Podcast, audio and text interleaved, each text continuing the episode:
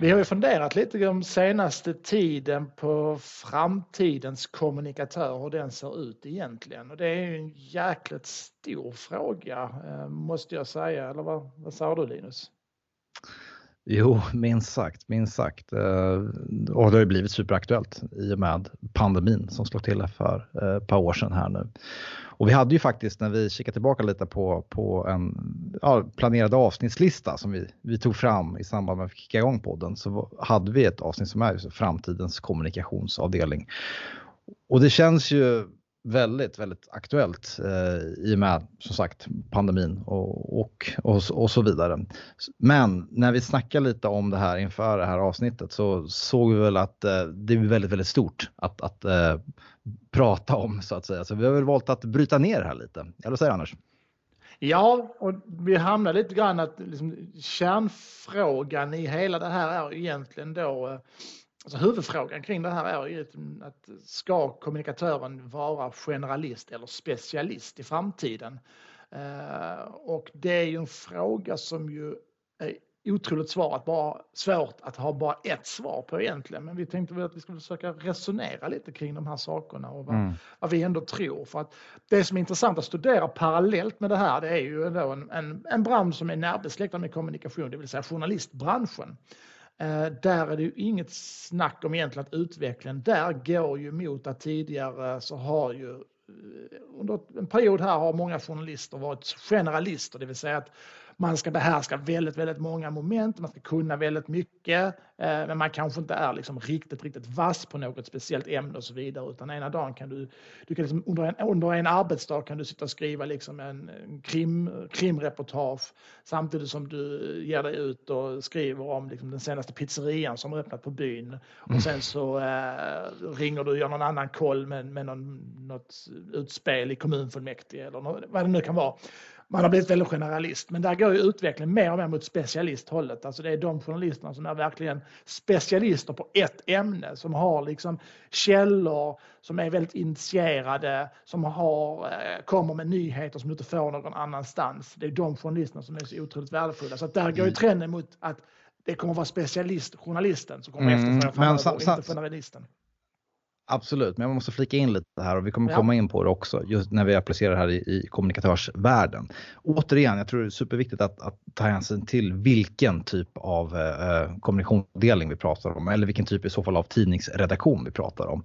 Jag menar, det är svårt för till exempel eh, Fagersta-Posten eh, eller Mariestadstidningen att ha liksom, specialiserade medicinreportrar eller klimatreportrar som till exempel DN eller Expressen har och så mm. vidare. Mm. Så återigen, återigen tror jag det är viktigt att ha i åtanke när vi snackar att det är, det är liksom hur stor, hur är, hur är ni organiserade eh, helt enkelt där ute på era kommunikationsavdelningar. Så jag tror det är viktigt att, att ha med sig. Eller håller du med där Anders? Ja men det gör jag. Det är, det är en viktig poäng eh, som du, du tar där som jag, som jag kanske missade. Men så är det ju självklart ju att verkligheten ser ju inte ut så för alla att alla kan tillåta sig att ha specialistrapporter. Men, men jag vill ju ändå hävda liksom i en Jo, sen, sen... I, I, en journalistmarknad så är det mm. ändå specialistjournalisten som kommer vara mest värdefull. Det är väl det jag vill hävda. Sen är det ju inte ja. möjligt att ha på andra. Nej, sen, sen, sen, har det ju sen har det ju uppstått liksom parallellt med det här så har ju liksom enskilda individer liksom byggt upp egna typer av mediehus. Vi tar en sån som Erik Niva till exempel som vi pratar mm. med, med Jan, Jan Helin om hans podd liksom som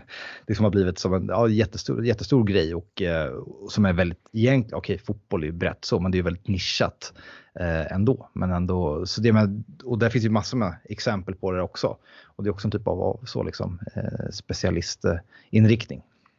Ja, och den trenden, nu, nu, är, nu har vi lite grann sportjournalistikens eh, ögat på saker eftersom att både du och jag är gamla sportjournalister. Men det är ju där mycket av den här trenden har börjat tycker jag. Men jag ser också att det kommer allt mer i de andra grejerna eh, och så vidare. Att man har folk som är, som är väldigt så att säga, alltså, specialister på, på vissa typer av, av ämnen och att det oftast är de Ehm, journalisterna som, som får säga, störst genomslag och som också i slutändan blir mest värdefulla. Sen, sen kan ju inte alla vara specialister på en redaktion, så är det ju.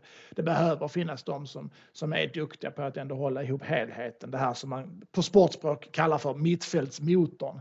Ehm, för att du ska kunna ha liksom en Zlatan längst fram som är specialist på att göra mål så behöver du någon bakom som, som kanske håller ihop laget och som är grovjobbaren. Så att båda är ju otroligt värdefulla. Den ena kan inte verka utan den andra. Men jag tycker ändå trenden eh, är intressant just att, att eh, specialistjournalisten har fått ett nytt liv kanske. Att det är där vi mm. landar. Också för att jag tror att mycket kommer att ske på sociala medier idag och det är inte alls otänkbart, vi har varit inne på det tidigare också, att, att vi ser mer och mer liksom, alltså den här swish-journalistiken, att det är liksom en journalist som är väldigt nischad på ett område, väldigt duktig, som också kan bära upp en, en hel kanal med en nischad publik, med ett nischat ämne och så vidare, än de här kanske stora redaktionerna som kanske mer gör ett, ett innehåll som, som ska vara för alla men som samtidigt inte blir för någon eftersom att vi idag är väldigt nischade. Um, så det är inte otänkbart att vi, att vi hamnar där också. Nej, men du om vi ska hoppa in, eh, vi lämnar lite journalistikens värld och hoppar över till, eh, till kommunikationsvärlden så att säga. Mm om vi ändå utgår från någon slags, vad ska man säga, någon slags eh, generisk kommunikationsavdelning, någon slags, någon, ja men någon hyfsat eh, stor avdelning, inte för stor och inte för liten heller. Hur, om vi går in på det här just den här generalist versus specialist eh, aspekten då. Hur, mm. hur ser du att, hur, hur tycker du eller hur tror du att man ska resonera framöver? Om vi, då, om vi tar då exemplet att vi har, säg att vi har en kommunikationsavdelning med, med ett x antal medarbetare där så, så behöver det finnas kanske eh, en, två på sin höjd generalister då som, som kan hålla ihop helheten, som kan ta ett, inta ett helikopterperspektiv precis som att man kan liksom gå ner på ett, på ett eh, mikroperspektiv eh, som kan röra sig mellan dem som, som kanske då återigen är seniora, har erfarenhet eh, inte sällan då kanske har jobbat väldigt mycket operativt tidigare, kan hantverket och så, men som har man då adderat väldigt mycket erfarenhet och så vidare. Men sen under där tror jag, det vi, eh, tror jag då att det, det är väl specialistkompetens som man då behöver eftersom att Eh, alla ska inte göra samma sak saker eller springa på samma bollar utan det ska ju vara just den här tydliga rollfördelningen, det som vi har pratat om tidigare också. Det här med att man har en kommunikationsavdelning med tio, tio stycken består den av alla heter kommunikatörer i titeln. Det blir väldigt förvirrande för att det blir precis mm. som att, ja men vad gör? Det är den diskussionen, eviga diskussionen om antalet men, kommunikatörer. Men jag tror just specialist. Eh, ja är, är ju då viktigt om man har då en, en, en kommunikationsavdelning med ett x antal personer. Så, så kommer man inte ifrån att du behöver specialistkompetens och, och att det finns liksom tydligt utsatt område. Men du ansvarar för det här, du är duktig på det och så vidare. Och sen kan ju alla givetvis bidra till helheten och det gör man ju också genom att vara specialist. Och att man också kan eh, bolla idéer med någon annan med den specialistområde och så vidare. Men eh, när, jag, mm.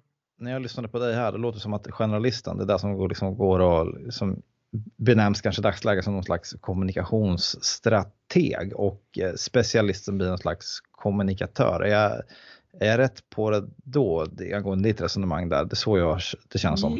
Ja, lite så. Alltså generalisten kanske är det mer seniora hållet.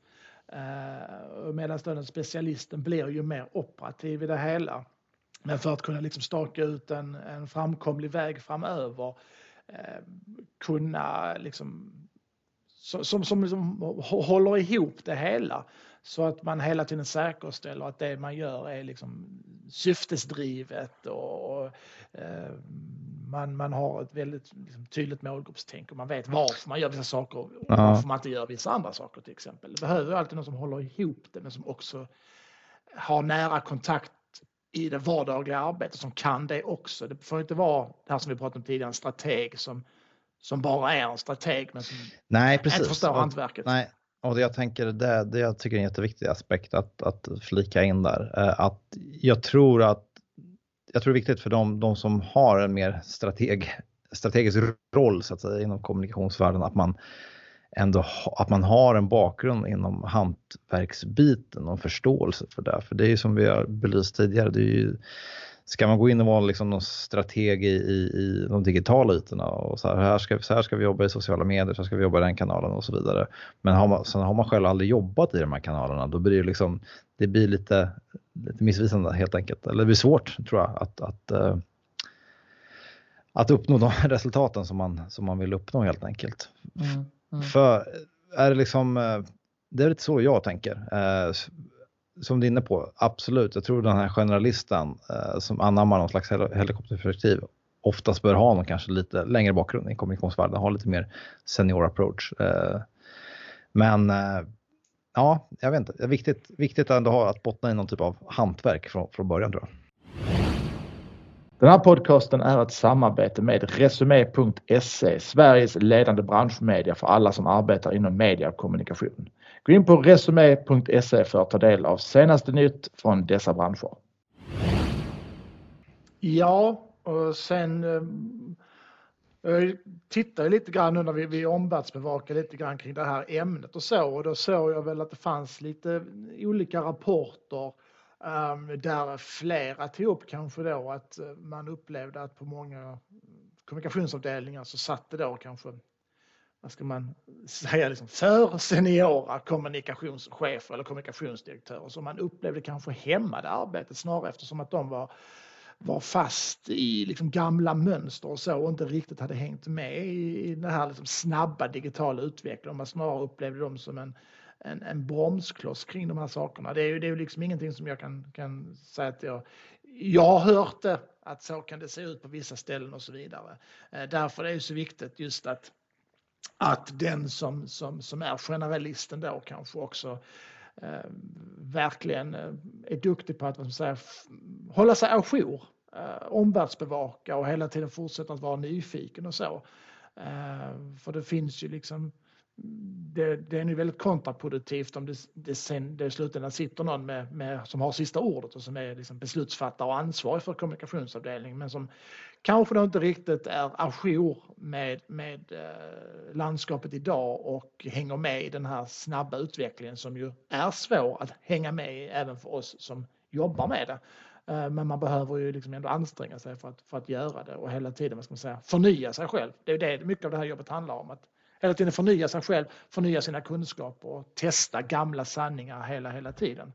Eh, för att, liksom, för att ens också, säga, kunskaper ska vara relevanta. Det gäller att mm. hänga med. Det, det, så är det ju faktiskt. Men ja, precis. Det, det, det, det som är sant idag är ju inte de tio år, kommer inte vara det heller. Och kommunikationsyrket som det ser ut idag kommer inte se ut så här om tio år.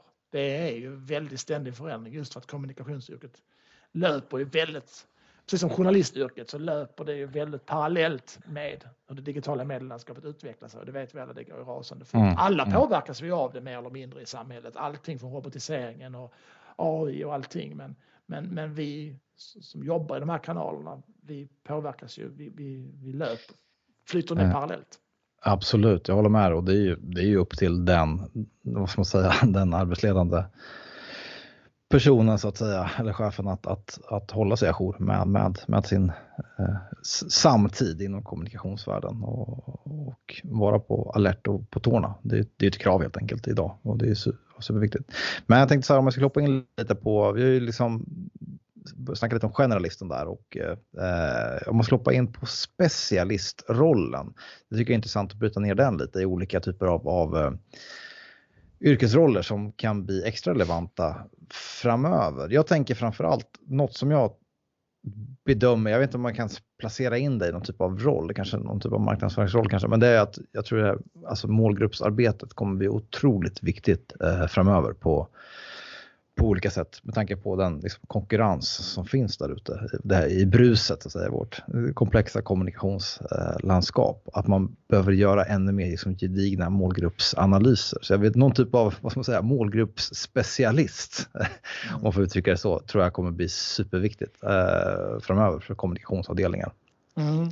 Är och, du, ja, och det här också med att uh, kunna vara väldigt duktig på att vad ska man säga, analysera data och omsätta det liksom i, i eh, praktiska mm. insatser. Precis, det var, eh.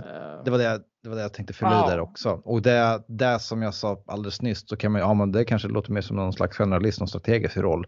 Det kan jag göra i viss mån, men jag tänker lite som du är inne på där också, att, att det handlar om att ta hand om, om, om datan eh, som mm. finns tillgänglig där ute och kunna analysera den på ett bra sätt eh, ut, utvärdera och analysera och eh, ja, inför alltså nästkommande typer av kommunikationsinsatser av olika slag så man vet, vet det och sen man, att man är liksom duktig i, i de här olika typer av annonseringsverktyg som finns, finns där ute på olika sätt i Ads Manager eller LinkedIn, eh, LinkedIns Ads eh, verktyg eller Google Ads, eh, you name it. Att man, ja, mm mm. Det tror jag kommer bli en jätte, jätteviktig roll för, mm. för kommunikationsavdelningar framöver. Ja, nej men alltså just det här att alltså vikten av att ha eh, alltså någon som är, alltså jobbar väldigt medvetet, datadrivet och faktabaserat eh, är ju saker som jag oftast trycker på. Att just att, att veta, inte, inte tro och känna så mycket. Visst, det går absolut att jobba upp den här liksom fingertoppkänslan som vi återkommer till ibland eller, eller magkänslan när man har jobbat med det här ett tag. Man ja. har liksom lite erfarenhet att luta sig mot. Men, men det måste ändå bottna i en, en alltså datadrivet och faktabaserat arbetssätt. Att vi, vi ska liksom veta Verkligen. varför vi gör vissa saker. Vi ska inte sitta och gissa eller tycka. För det är alltså risken väldigt mycket med kommunikation, att det blir mycket tycke och smak. Men just det här, man, man, inte sällan landar liksom, men ska det vara rött eller gult? Det är liksom ja. där diskussionen landar och sen, då tappar man ju liksom hela perspektivet kring det. Det är inte så viktigt om det är rött eller gult. Eh, det är liksom andra parametrar som, som är viktiga, men man landar ofta i de här symbolfrågorna där det ofta blir, blir tycke och smak och så glömmer man liksom det här. Ja, men det är inte tycke och smak vi ska liksom hålla på med. Vi ska ju, ska ju veta varför vi kommunicerar och varför vi gör detta å det här då företaget eller organisationens vägnar. Vad är det vi ska åstadkomma för någonting? Vad, mm. vad är utmaningarna? Vilka är problemen och hur ska vi lösa dem? Precis, och det här är kanske en utmaning som man ser framförallt kanske ännu mer i offentlig sektor. Jag tror att jag misstänker, eller jag vet att privatsektorn inom kommunikationsvärlden och marknadsföringsbiten har ju kommit längre där. Mm. Och det är ju på grund av just affärs, affärsmässiga biten så att säga, det är inget konstigt. Men sen vet man ju också framförallt också från, från vår gamla bransch, journalistbranschen, att det, där har man jobbat länge, datadrivet och, och ser, ser helt enkelt vad som genererar läsning men också för hela affärs, affärsbiten också. Så, men jag tror att här, här har offentlig sektor eh, mycket, mycket att eh, kunna anamma och eh, lära sig. Mm. Ja, men så, är det, så är det absolut. Och eh, jag tror också att det, eh, man behöver, eftersom att man och det här med att prata om liksom, ja, men man måste, ska säga, digital kommunikation. Jag, jag tycker ju faktiskt att vi kan ta bort liksom, epitetet digital för att vad, alltså, och snarare då sätta ett epitet när det inte är digitalt de få gångerna det inte är det. Eh, när vi faktiskt ska göra då en, en broschyr eller eh, sätta upp någon, någon poster eller vad det är. Eh, för att vi kan utgå ifrån att det mesta idag är digitalt och så vidare. Precis. Eh, och då, eftersom att det digitala är liksom icke-linjärt så tror jag också det är väldigt viktigt att hur man arbetssättet och hur man är organiserad inte är så linjärt det också. Alltså istället för alltså byta ut stuprör eh, mot hängmattor eller hängrännor istället. Inte hängmattor, hängrännor. Eh, men det är inte många organisationer som hänger med där för väldigt många jobbar fortfarande väldigt Nej. linjärt i sitt sätt att jobba. Man jobbar linjärt men man jobbar mot otroligt icke-linjära kanaler. Eh, och det tror jag inte är bra. Jag tror det hämmar oss väldigt, väldigt mycket.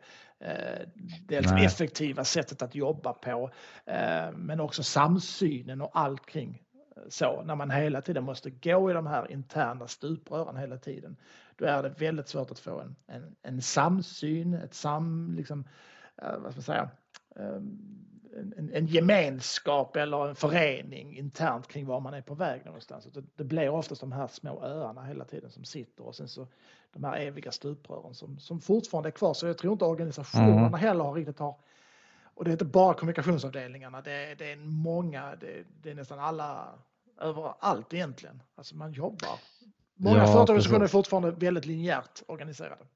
Ja, absolut, absolut. Och det var en grej som jag antecknade här inför att spela in det avsnittet, att försöka sudda ut enhetsgränserna lite inom, inom organisationen på olika sätt. Och, och sammanföra, för det är ju trots allt, at the end of the day så jobbar man ju trots allt kanske mot samma typ av, av stärka upp sitt varumärke. Och jag tänker framförallt, framförallt inom kommunikationsbiten så tänker jag sådana avdelningar som HR och kommunikation borde kunna jobba betydligt mer närmare varandra i olika sätt. Eh, just för att stärka upp arbetsgivarvarumärket. Eh, på olika sätt och övergripande varumärket. Men också en sån som, ja men finns det säkert som är organiserad på en specifik marknadsavdelning, man har en kommunikationsavdelning, en HR-avdelning. Försök att kika på hur, hur ni är organiserade och om det går att hitta smarta synergieffekter där på olika sätt. För det, det går ju säkert att, att, att, att skapa betydligt mer smartare arbetssätt, tror jag. Ja, så är det ju. Och sen är det ju svårt det här för att för många som kanske inte heller jobbar så alla kommunicerar vi ju idag och kommunikation uppstår ju vare sig de som arbetar med kommunikation kommunicerar eller inte. Kommunikation uppstår ändå ja. för att alla vi kommunicerar just nu. Men men det som någonstans kommunikationsavdelningen ska ju vara specialist på är just det här med det här viktiga huret. Alltså hur ska vi göra det? För det är ju ingen tvekan om att vi alla kommunicerar ju hej vilt kors och tvärs varenda mikrosekund som finns. Alltså nu just nu så, så kommunicerar ju miljontals miljarder människor med varandra på olika sätt. Eller, eh, det, det pågår ju, det, det, det slutar aldrig. Eh, men, men eh, kommunikation aktör ska ju vara specialisten på det, men hur gör vi just i det här specifika fallet? Ni mm. på den här, liksom, ni som sysslar med det här, ni har ett behov, ett kommunikationsbehov. Ja, men hur gör vi då? Alltså det här huret är ju lika viktigt som att veta varför man gör någonting. Uh, till exempel. Ja, men det glöms Absolut. oftast bort, liksom det här huret, hur viktigt det faktiskt är. För att idag, idag har du uppsjö av möjligheter att kunna kommunicera. Eh, men risken är att eh, du famlar i mörker om, om du inte vet vad du ska liksom välja och, och varför. Och, och för att få liksom den, den mest liksom effektiva insatsen som möjligt på det. Vad ger det mest effekt att göra någonting här? Mm. Eh, sen kanske också tror jag att man behöver dämpa det finns fortfarande tror jag en övertro på det här, liksom det här vad ska man säga, producerade kommunikationsmaterialet, vad det ska åstadkomma. Jag tror att många har en övertro på att kommunikation ska lösa så många andra problem som man kanske inte har tagit tag i, när det snarare är tvärtom. Alltså kommunikation är ju det sista lagret du lägger på när, på till exempel en, en färdig, jäkligt bra, grym produkt eller du lägger på det när det liksom finns något jätteintressant och spännande att paketera och informera om och så. Eh, så där är ju inte alla. Många tror att man löser saker med, med kommunikation. Det, det, är inte så. Eh, därför tror jag också att eh, kommunikation går mer mot det här, alltså från att och det, det kanske också är mer, jag vet inte vad, vad man ska kategorisera in den som, men eh, alltså, kommunikatören blir mer en, vad ska man säga, inte, en beställarroll snarare än en producent. Alltså för, för att jag ska kunna, för att vi på kommunikationsavdelningen ska kunna göra ett, ett, bra arbete, för att vi ska kunna producera någonting om det här, så behöver vissa saker finnas på plats. Det behöver finnas något färdigt att kommunicera om eller någonting som vi, vi kan bottna i. Är du med hur jag tänker? Att man oftast ja, men har kanske då ta ett exempel, en taskig produkt. Men med lite glättig kommunikation så löser vi det. Eh, för då kan vi liksom eh, dra på och, och hypa och, och så. Men snar, men med snarare effekten då att, att eh, vi exponeras för det och att nej, den här produkten ni hade var inte alls så bra som ni kommunicerade. Ni ljuger ju. Trovärdigheten är noll. Är du med vad jag tänker? Ja, jag sitter och tänker lite. Ja, du får gärna utveckla lite till där faktiskt. Jag är jag tyckte jag utvecklade mycket. Ja, det... uh, nej, men, alltså, ja, nej, men, det, men alltså- beställare, alltså... jo men beställare, just det jag fastnade på. Beställare, vad ska den beställa, vilka ska utföra, eller hur menar du? Det är det som jag vill lite... Nej men liksom, alltså man, man internt blir, man, man kanske ser att kommunikatörer ska ju också vara den här örat mot rälsen, ha väldigt koll på omvärldsbevakningen mm. mm. samtidigt just nu är det här relevant? Eh, och, då kan man liksom identifiera att ja, men just det här som, som, som finns nu eller här skulle vi kunna bidra med någonting för just det här som man pratar om det har ju vi gjort i tio år till exempel bara det att vi inte berättat ja. om det. Då kan man internt bli den här beställaren att ta av sig. Hör nu, ni jobbar väl med det här och det här och det här va? och har gjort jättelänge. Ja men vi är jätteframgångsrika säger då någon på den här avdelningen internt och så vidare. Ja men det här borde vi ju göra någonting kring. Och så blir man ja. ju egentligen en beställare men man blir också möjliggöraren. Men, men initiativet kommer från kommunikatören att här behöver vi göra en insats till exempel. Ja, ja okej. Okay, okay. Just nu är det ja, ja. men, precis samma som man pratar Då är man, om. Absolut, absolut. Men det krävs ju kanske, det, det, krävs ju, det krävs ju en viss typ av, ja men som man säger, självsäkerhet, nej men förtroende eh, på sig själv och kanske lite mer att man har lite mer senior senioritet i, i, med sig så att säga, eventuellt. Jag vet inte. Men sen tänker du också att man då eventuellt utför arbetet också då? Eh, eh, förstår jag rätt då? Ja, alltså att kommunikationsavdelningen kan göra det. Sen om det är liksom just du som tar ja, ja. kontakt eller det finns någon annan. Men det man pratar yes. lite grann med kommunikationsavdelningen ska ju vara den här interna butiken där, där vi har Ja. Alla funktioner vi har vad du behöver, men vad är det du behöver idag? Ja, men det har vi. Vi kan fixa, vi kan lösa det och så vidare. Men att Absolut. Nej, men. Ofta så, och det är lite grann i takt med att kommunikationsavdelningen ibland kan bli väldigt reaktiva när de snarare ska vara proaktiva. Och det är det jag menar att jobbar du på det sättet så är du också proaktiv. Att det är kommunikationsavdelningen som tar initiativet till någonting. Här ser man att här finns det ett behov. Eh, eller här ser vi liksom att att för att vår eh, chef, eh, just nu så finns det en, en medierapportering kring vårt företag och vår chef eh, duckar frågorna till exempel eller vi, vi, vi kommer inte ut med någonting, vi, vi är bara mm. tysta. Mm. Ja men då ska ju det vara kommunikationsavdelningen, ska ju vara den första som, som liksom, inte slår näven i bordet men som räcker upp, alltså verkligen liksom ja. Vi måste börja berätta och kommunicera. Titta nu här till exempel på den här för att ta ett aktuellt exempel, den här Ericsson-skandalen nu ju eh, med, med mutor och, och, att man har sponsrat IS och så vidare. Och det är bara knäppt tyst från liksom de, de högsta ansvarigas håll. Mm. Uh, och de är ju säkert jätteduktiga företagsledare och så, men, men samtidigt så har de kanske inte riktigt koll på medielogiken, inte experter på det. Men de har ju alla sina folk runt omkring sig. Uh, gissar jag på väldigt välbetalda uh, kommunikationsrådgivare och andra och där undrar jag, liksom, men får de då rådet att nej, men vi behöver nog liksom gå ut och kommentera det här och prata med det här och vi måste också börja kommunicera kring de här sakerna och så för att vi är tysta så kommer inte det här försvinna. Det här skadar ju bara vårt varumärke till exempel och så vidare. Mm. Uh, där har vi ingen aning om hur det ser ut men det är där kommunikatören också kommer bli otroligt viktig att vara liksom ett uh, det blir lite grann en intern coach också.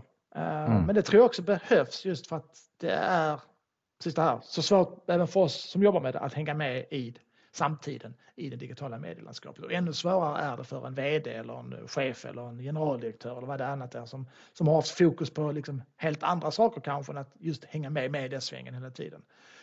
Men det är i media det mesta föregår. Vi är ett medialt, vi lever i medial tid.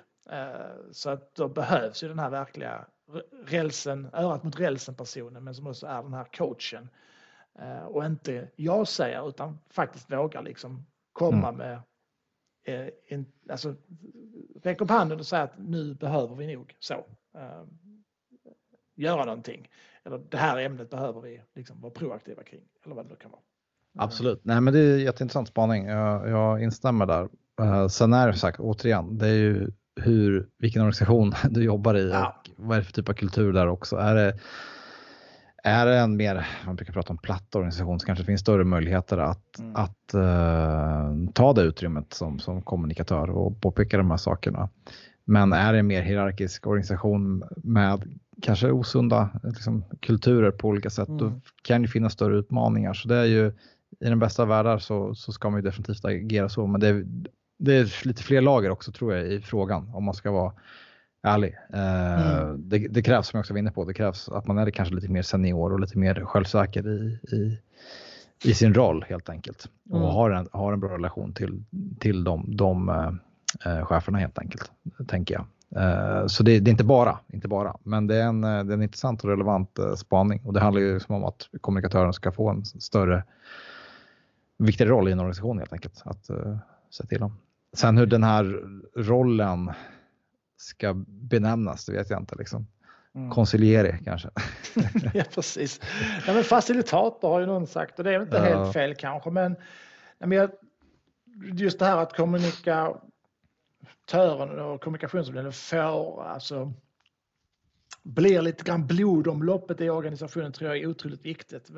Det farliga här, och det är just det här som jag tror är ett stort problem eh, faktiskt, eh, att vi fortfarande är väldigt linjära organisationer som jobbar med icke-linjära eh, plattformar. Det är där tror jag mycket av kärnan i det här problemet ligger.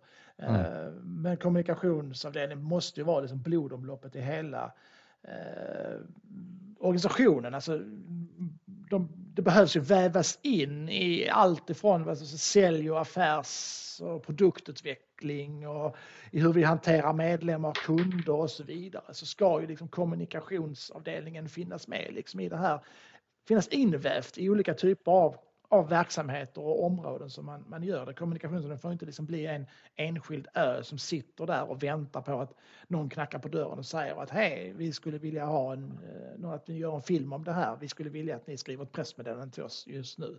Utan måste vara mycket mer involverade i det dagliga. Eh, och eh, ha en mycket större verksamhetsförståelse tror jag och vara duktig på det här, vad ska man säga, förändring, organisationsförändring och så vidare. Ehm, så att eh, jag ser framför mig ehm, att kommunikatörer måste bli betydligt mer än bara en någon som producerar. Alltså det kommer krävas betydligt mer av en kommunikatör än att bara vara en duktig skribent som det kanske har varit de senaste tio åren. Eh, då har det kunnat bli en, en kommunikatör genom att kanske då vara en, en gammal journalist som är duktig på att skriva. Jag tror att du måste ha mycket mer säga, djupare eh, kunskaper. Eh, det tror jag är eh, liksom mycket framtidens kommunikatör. Ja, intressant spaning. Intressant spaning. Ja, nej men eh, jag tycker vi avhandlar mycket här. Som sagt, det, det, det är ett stort, ett stort ämne, eh, framtidens kommunikation, framtidens kommunikationsavdelning. Och eh, jag ser väl att vi har all anledning att återkomma till det här ämnet på, på olika sätt. Eh, särskilt bjuda in olika typer av, av, av gäster. Eh, kanske liksom intressant relevanta organisationskonsulter tror jag en, en, eh, en, en viktig roll som kikar på det här inom, inom vårt gebit så att säga. Mm, ja, för jag tror ju det här så, avsnittets huvudfråga då, om kommunikatören i framtiden ska vara journalist eller specialist. Så, nej, men som vi sa innan också i början av avsnittet att något, i dagsläget så finns det inget entydigt svar utan eh, vi ser ju att båda två behövs, eh, mm. kommer behövas framöver. Men återigen, det är helt beroende på vilken typ av organisation eller företag ni har och hur stor då kommunikationsavdelning ni kan ha till exempel. Det säger sig självt att sitter det en person bara så, så är det svårt för den att vara specialist. Om man ja, inte har och, ett väldigt specifikt nej. behov bara. Vi behöver bara en person som ska göra företagsfilmer. Ja, men då kan man sätta den som en specialist på att göra företagsfilmer och inte någonting annat. Men, nej, eh, men jag tror att generalisten kommer att bli väldigt, väldigt viktig för just det här att bli invävd i liksom hela företaget, kunna känna till eh, hela verksamheten.